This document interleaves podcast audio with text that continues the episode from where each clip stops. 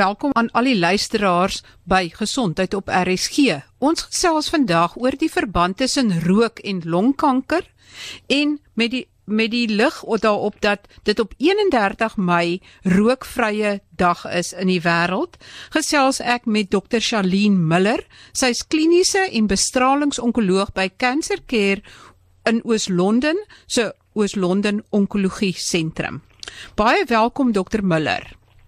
Môre Marie, hoe gaan dit? Dankie vir die uitnodiging. Ja, baie baie dankie. Ek is so bly om met iemand te gesels in Oos-London. Jy's ons eerste gas op gesondheid op RSG uit Oos-London. O, regtig? Ja, dit is baie goed. Dokter Miller, ons weet, ons ken die ou ou storie van moenie rook nie want jy gaan longkanker kry. En ehm uh, Maar ons wil vandag nou wetenskaplik kyk na die hele ding van rook en longkanker en want daar's ook mense wat longkanker kry wat nie gerook het nie en mense wat rook wat ander kankers kry as longkanker. Ja. Ehm ja. um, en ek verstaan ook dat daar meer as een soort longkanker is. Kom ons kyk bietjie uh ehm um, kan jy dalk die belangrikste soorte longkanker opnoem? So wanneer ons praat van longkanker, het ons twee hoofgroepe wat ons na kyk. Ehm um, 95% van alle longkanker, ons groepeer dit as of kleinsel longkanker of nie kleinsel longkanker.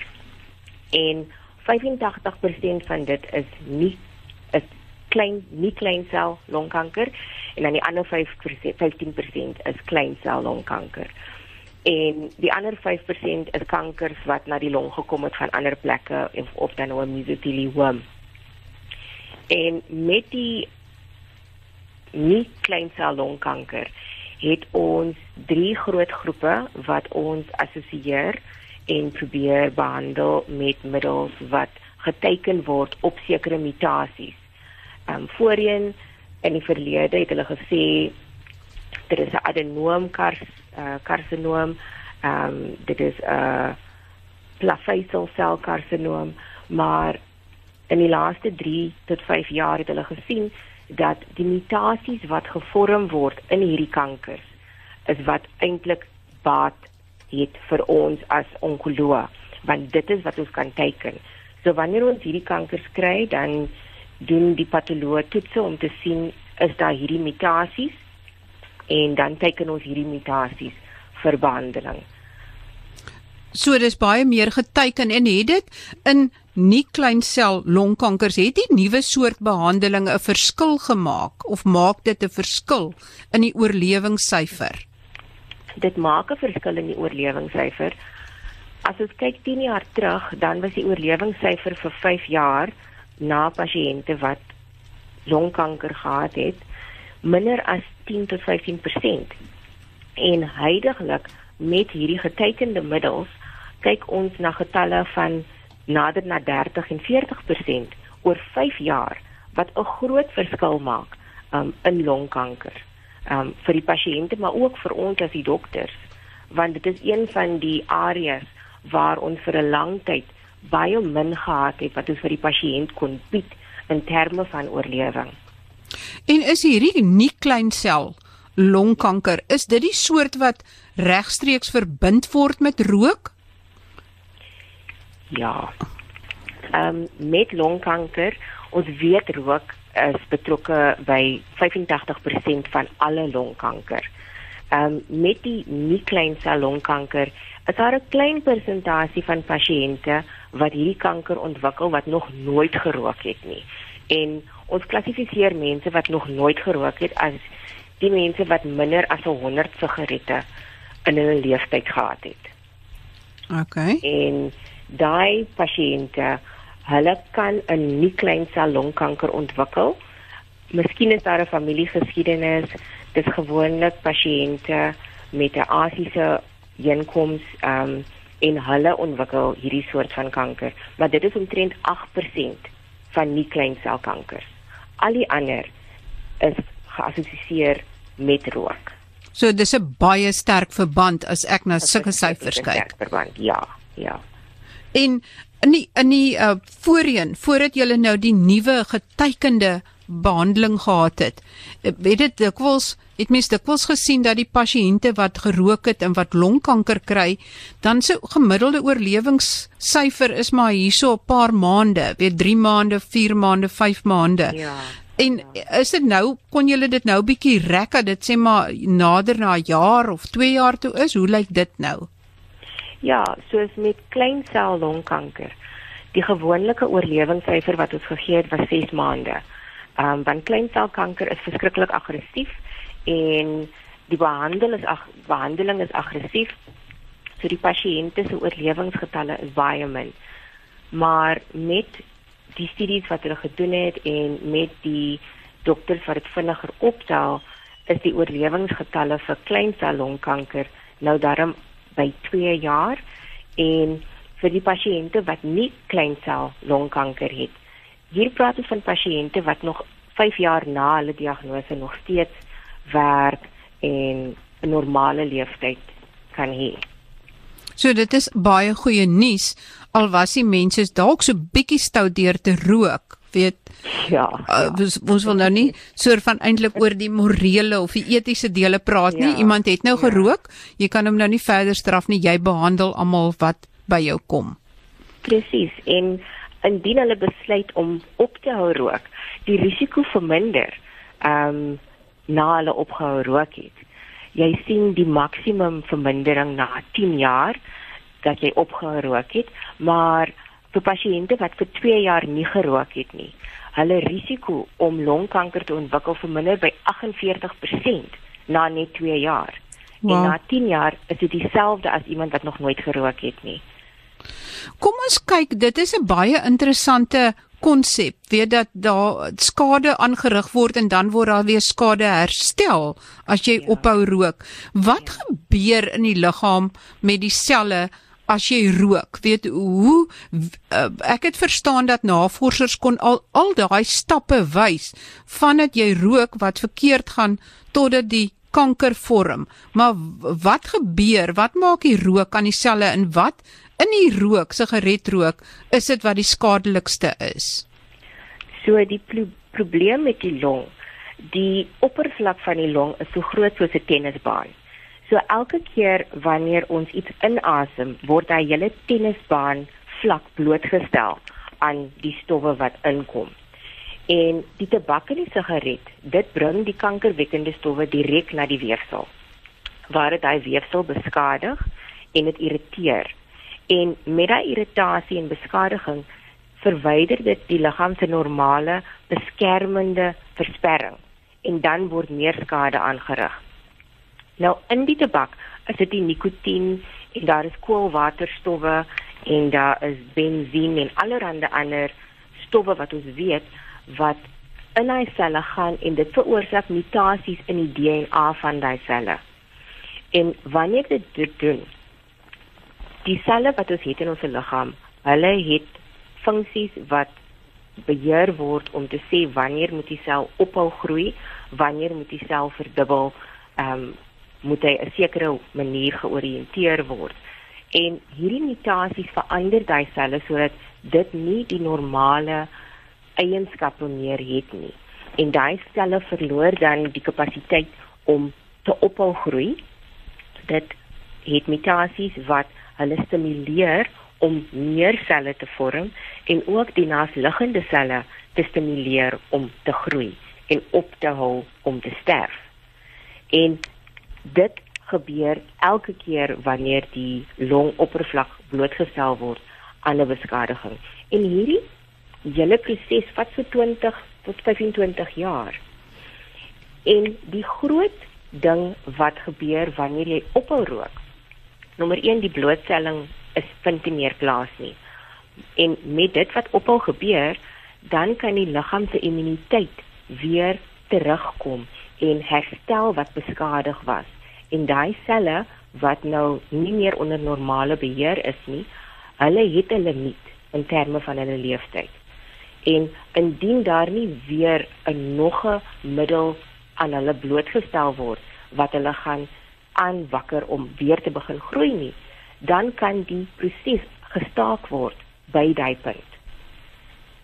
Sjoe, so dit is letterlik selle wat al reeds foutief is wat weer omgekeer word of waar die proses weer gestaak word. Absoluut. En dit is die rook het die oorgrootste meerderheid van kankerstowwe ehm um, wat die beskadiging veroorsaak, maar ook pasiënte wat voorheen bestraling gehad het in die borskas area of dit nou vir limfoom was of vir borskanker. Daai selle was ook beskadig met die bestraling en hulle het ook 'n neiging om dit kan verander na longkanker na 20, 25 jaar. So dit is nie mense moet duidelik weet hoewel rook 'n groot oorsaak is van longkanker, is dit nie die enigste oorsaak nie. Nee. Jy het nou genoem van bestraling.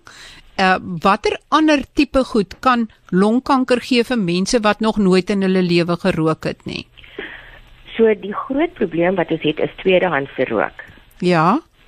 Ehm um, So dit is wanneer jy in 'n area is waar mense rook, ook kinders van mense wat rook, want hulle kan nie eintlik uit die vertrek uit gaan nie. Ehm um, die asbes wat hulle voorheen gebruik het in die dakke ehm um, van baie besighede en huise, dit veroorsaak ook beskadiging aan die longweefsel. Sekere metale wat ons blootgestel word, soos arsen en krom en nikkel, ehm um, dit kan beskadiging veroorsaak en dit kan jy aan blootgestel word in sekere industrieë waar ons werk, soos in die motorbedryf waar hulle ehm um, die motorvoertuie bou, maar ook waar hulle die stowwe aan die aan die motor sit om die kleur te te doen verbeter. Ehm um, ook in plaveisel. Uh daar is 'n middel vinyl chloride wat daar gevind word en al hier beïnvloed ons liggame. En die een ding wat in Suid-Afrika vir ons 'n probleem is, is die rook wat gevorm word in die huis en wanneer daar kos gemaak word met koolvuur. Of dit nou ons gunsteling braai is of dit binne in die huis is in die afgeleë areas waar die koolstofie is wat gebruik word. Daai rook wat gevorm word in 'n klein area veroorsaak ook beskadiging. En dit is hoekom hulle nou die nuwe soort van kool het wat jy kan gebruik wat nie so baie rook veroorsaak nie. Wat minder skade veroorsaak. So sê jy dat mense eintlik versigtig moet wees om nie te veel tyd baie naby aan 'n koolstoof deur te bring nie. Of dit nou vir hitte is en of dit vir kosmaake is. Absoluut, want daai koolstowwe wat gevorm word in die vuur in, dit affekteer jou long en as jy te naby aan die vuur is, baie van ons wat het dit al met gebeur waar jy te naby aan die vuur is en jy haal te diep asem en jou longe word geïrriteer en jy hoes. En dit is omdat hy long nie daarvan hou nie. Ja. Kom ons kyk nou uh, jy het genoem ook van asbes en ons weet van mesoteliom en asbestose. Is uh, is mesoteliom eintlik ook 'n tipe longkanker? Ja, dit val in daai groep van 5% ander longkankers. Ehm um, want hy is ook 'n spesiale soort longkanker want dit is 'n kanker wat die struktuur rondom die long, nie die longweefsel homself nie. Dit is die struktuur rondom die long wat eintlik die kanker ontwikkel. Die voering van die long. Die voering van die long, ja. Goed. En en uh kan dit behandel word of is dit soort van 'n uh, baie siekte met 'n met 'n baie hoë sterfte syfer? Mesothelioma was vir, vir in die verlede 'n uh, doodsvonnis eintlik geweest. Maar met die ontwikkeling van nuwe chemomiddels het ons nou um 'n limta, een van die middels wat gebruik word vir mesothelioma en dit het die hele behandeling van mesoteliom heeltemal verander want met daai behandeling dit is direk vir mesoteliom en dit gee verskriklike goeie resultate. En wanneer die pasiënt die behandeling gehad het as die kanker gelim net op die een long was ehm um, dan het hulle 'n baie goeie oorlewingstydperk wat hulle het na die behandeling en as die kanker moet terugkom dan sit die pasiënt op behandeling met dieselfde middel vir die res van hulle lewe. En 'n groot hoeveelheid van daai pasiënte het nie weer kanker wat terugkom nie. En voorheen was dit jy het 6 maande tot 'n jaar en dan is dit alles verby. So self met mesoteliom, as die pasiënte gestuur word en reg behandel word, dan maak dit 'n groot verskil.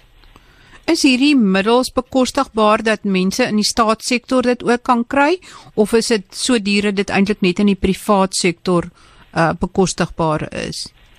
Op die huidige stadium is baie van die nuwe middels net beskikbaar in die privaat sektor en daar is 'n groot druk op die staat om hierdie middels beskikbaar te maak vir die staatshospitale want dit is waar die pasiënte dit meestal nodig het veral met mesoteliom. Ehm um, en dit is 'n koste, dit is 'n koste kwessie. Ehm um, wat elke dag eintlik ehm um, baklei word. En en met as uh, mesoteliom en asbestose, is dit hoofsaaklik die stofdeeltjies of partikels van asbes wat ingeasem word? Met ander woorde, ja. as jy by asbes is, moet jy dit nie vryf of skuur of iets dat daar eintlik stof in die lug kom nie. Presies, want dis hoekom hulle daai maskers gebruik wanneer hulle dit verwyder van die huise en van die geboue want hulle noem dit dit is 'n PA 2.5 die partikel homself wat in die longe gaan en die beskadiging veroorsaak en as jy daai partikel kan weerhou van in die longe gaan dan is daar nie 'n probleem nie maar wanneer dit eers daar is dan veroorsaak dit die hele proses om te begin en dan word die kanker aangewakker Dan wil ek net kom na die simptome toe. Hoe ken mens dit uit? Weet, is dit 'n stil siekte aan die begin? Spoor mense dit gewoonlik eers op as dit redelik gevorder is? En die longe moet mos gewoonlik so pink en sponsagtig wees, maar dan sien mens altyd hierdie prentjies van die longe wat later letterlik so steur lyk, weet donkerbruin en verskrompel en en baie erg. Is dit letterlik wat in die liggaam gebeur en kan jy die simptome beskryf soos wat daai proses vorder? Waarvoor moet mens uitkyk? So ongelukkig is longkanker 'n baie stil kanker. En dit maak homself nie baie vinnig ehm um, hy stel hom nie bloot aan ons baie maklik nie. Stadig maar seker soos die kankerweefsel die long oorneem en die tennisbaan area wat jy voorheen gehad het vir lugtoevoer en vir suurstof word al hoe kleiner want die area wat kanker het, dit kan nie die normale funksie doen van die long nie. En dit is hoekom mense dan voel maar hulle word bietjie kort asem, ehm um, hulle het 'n bietjie van 'n hoes van daardie irritasie ergens in die long in. En 50 tot 75% van die pasiënte, hulle kom net met 'n hoes wat nie voorheen daar was nie of 'n hoes wat verander het. Ehm um, en hulle het 'n bietjie kort asem, maar niks ernstig nie. En dan 50% van die pasiënte, hulle sien dat hulle begin gewig verloor. Ja. En dit is omdat die kanker werk soos 'n parasiet. Vir dit om aan te hou groei, begin dit eintlik van die liggaam afteer en hulle verloor gewig. Meeste van die tyd het pasiënte met longkanker nie pyn nie, maar so 30 tot 40% van pasiënte het 'n bietjie borskaspyn of want die voering van die long word geïrriteer en dan as hulle diep inasem, dan voel hulle 'n bietjie van 'n pyn of as die longkanker ver gevorder is en dit het die been van die ribbes aangetast, dan het hulle ook pyn in daai area. En 'n groot teken wat vir ons 'n probleem is, is wanneer die pasiënt bloedhoes. Dit gebeur in 25% van pasiënte. Maar ek neem aan dis dan al redelik gevorder. Dit al dan reeds ver gevorder. En en pyn agter die blad of so, uh, uh, is dit algemeen? Met sekere kankers in die boonste lob van die long, dan veroorsaak dit pyn in die skouer, pyn in die skouerblad, ehm um, en veral ook pyn in die vingers in en die spierweefsel in daai spesifieke arm en hand is effens minder. En dit is gewoonlik 'n pancoast soort van tumor ehm um, wat spesifiek met die longkanker is. En hulle is gewoonlik 'n bietjie meer aggressief en dan wanneer hulle sulke tekens het, dan is dit reeds ver gevorder. Sê vir my en hoe diagnoseer jy dit? Is dit uh die kliniese tekens, die hoes ensovoorts maar moet jy dit bevestig met 'n ekstraal of met bloedtoetse of met sekere toetse? Hoe weet jy verseker watter of dit longkanker is en nie sê maar tuberkulose of iets anders nie en watter soort longkanker dit is? So dit moet bevestig word en ons begin gewoonlik met 'n normale ekstraal net om te sien is daar iets duidelik in die long in en dan word die pasiënt gestuur vir 'n biopsie van daai weefsel. Ehm um, en die chirurg doen dan 'n bronkoskopie waar hulle die pasiënt in die teater neem onder narkose en dan 'n stukkie van hy weefsel neem en dit dan deurstuur na die patoloog om te sien is dit kanker, watter soort kanker is dit en watter mutasie het dit. As die normale ekstraal nie dit duidelik wys nie, dan word die pasiënt gestuur vir 'n CT-scan van die borskas en dit kan dan duidelik vir ons wys is daar net een letsel, is daar meer as een letsel, is daar ook vog rondom die long as gevolg van die kanker en partykeer is dit baie moeilik om 'n biopsie te kry van die longweefsel as dit baie diep en ver onder in die longe is. En dan doen hulle partykeer 'n biopsie van deur die borskas om die weefsel te kry of as daar vog rondom die long is, partykeer neel hulle net van hy vog af en as dit gelukkig is dan kry ons selle in hy vog in wat die diagnose bewys. Ongelukkig met longkanker is dit nie duidelik dat dit in die bloed in gesien kan word nie. So Ek, ons ons hou maar vas aan die biopsies. So jy kan nie met 'n met 'n bloedmonster nie. As jy dan die die longkanker gewoonlik laat opspoor, hoe ver het dit reeds gevorder en is daar dan al dele van die long waar daar nie normale suurstof en uh, koolsuurgas uitreiling kan plaasvind nie? So is, wanneer dit ver gevorder word dan is dit want die longkanker begin gewoonlik in een area en wanneer dit versprei kan dit versprei na die selle long of na die ander long of na die vloeistof rondom die longe in die voering of dit kan versprei na ander organe soos die lewer, die brein of na die beendere toe. En dit gaan ook na die byniere. En wanneer dit versprei het, dan is dit 'n stadium 4 kanker van die long en dan is die behandeling bietjie anders want dan het ons nou net chemo wat ons gebruik om die pasiënte te behandel. En die simptome is dan ook anders want dit hang af waar die kanker die die pasiënt versprei het nou. Ek verstaan. Ehm um, Dis tog dit is uh mens praat nou oor longkanker maar uh sonder dat mens enigsins so wil preek en net wetenskaplik na die feite kyk rook kan ook ander tipe kankers veroorsaak. Um ek het onlangs met 'n oorneus en keel spesialis gepraat en hulle sê daar's 'n direkte toename in die in gesig en keelkanker en die hoofoorsaak is rook. So rook hou ook verband met ander kankers buiten longkanker. Ja, ongelukkig het rook 'n uh, verwante verhouding met baie kankers. Ehm um, longkanker is is 'n groot een, maar dit is ook betrokke met dikdarmkanker wat 'n groot probleem is in Suid-Afrika. Kop en nekkankers. Ehm um, dit veroorsaak 'n risiko wat by 5 tot 25 keer hoër is as pasiënte wat nie rook nie en dit is gewoonlik gesien in pasiënte wat begin rook het voor die ouderdom van 18 um, vir 'n periode van langer as 35 jaar. Dit het ook 'n verhouding met nierkanker, kanker van die lewer, kanker van die blaas, ehm um, kanker van die maag. Hulle het gevind dat 18% van die pasiënte wat maagkanker het, daar is 'n verhouding met rook. En hy vir risiko verminder 10 jaar na die pasiënt opgehou rook het selfs met pankreaskanker. 25% van pasiënte wat pankreaskanker het, hulle het 'n verwante verhouding gevind met rook. Sjoe, dit is nogal ontstellend.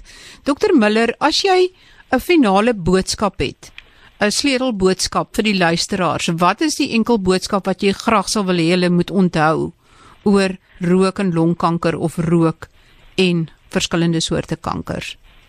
So heidaglik is longkanker die derde grootste kanker vir mans in Suid-Afrika en die sesde grootste kanker vir vroue in Suid-Afrika. En die mortaliteit vir longkanker is besig met 'n afname vir mans, maar met vroue is dit besig om te vermeerder. En dit is omdat mans het begine besef hulle moet minder rook of hulle moet ophou rook. Maar ons vroue het nog nie die boodskap gekry nie. En my boodskap sal wees dat rook veroorsaak longkanker en ander kankers, maar ook dit veroorsaak probleme met die hart. Dit het baie risiko's vir mense wat 'n leefstyl het wat rook by het. So die mees belangrikste ding sou ek sê is maak 'n besluit om op te hou rook en dit gaan vir almal baat vind om dit dit te doen. Baie baie dankie Dr. Shalien Miller van Cancer Care in Oos-London en sy's by die Oos-London Onkologie Sentrum van Cancer Care. Daar is ons het nou wetenskaplik daarna gekyk en ek bedank uh, eh, Dr Miller, ek bedank jou vir al jou absolute kennersinligting. Baie dankie Marie. Baie dankie. Dit was dan gesondheid op RSG vir vandag. Volgende week gesels ons weer gesondheidsake en julle kan ook vrae instuur oor verskillende soorte demensie en Alzheimer want ons gaan die einde van Julie gaan ek weer 'n gesprek hê oor Alzheimer soos wat ons het verlede week oor demensie gesels.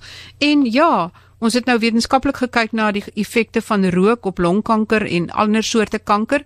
So besluit maar self uit hierdie wetenskaplike feite of dit ehm um, of jy nie dalk tog wil besluit om op te hou rook nie. Tot volgende week dan. Groete van my Marie Hudson